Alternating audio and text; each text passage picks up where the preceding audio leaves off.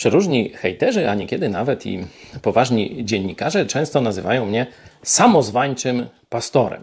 Czyli to tak by wychodziło, że trzeba mieć e, jakieś wezwania na pastora e, od jakichś innych ludzi. No, oczywiście to w dużej mierze wypływa z nieznajomości Biblii i z praktyki katolickiej, gdzie tam, wiecie, no jest papież, biskup i on dopiero tam tych księży wyświęca, no to tak katolik myśli, no jakże to tak, o może się jakiś człowiek wziąć, zacząć czytać Biblię, głosić Ewangelię i, i to co to, to tak, to jak to tak, to przecież nie można, no.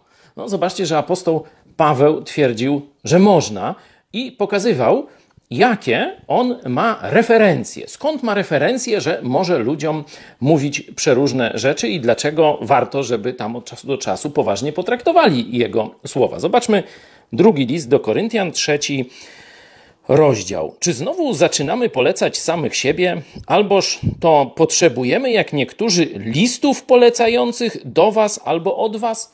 Część ludzi twierdziła, czy zarzucała, że no on nie ma jakichś uwiarygodnień, nie ma listów, kto go, kto go wysłał i tak dalej.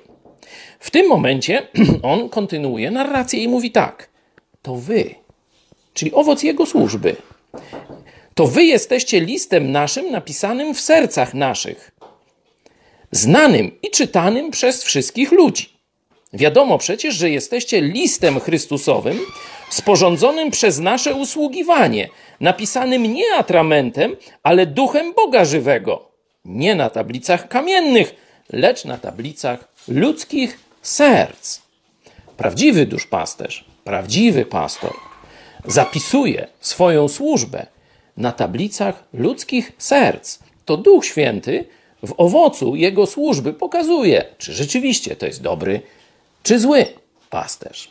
Stosujcie taką właśnie, taki sposób rozpoznawania pasterzy. Pokaż mi swój kościół, pokaż mi ludzi, którym usłużyłeś, jak oni żyją, jak wygląda dziś ich życie. A wtedy dopiero ich słuchajcie.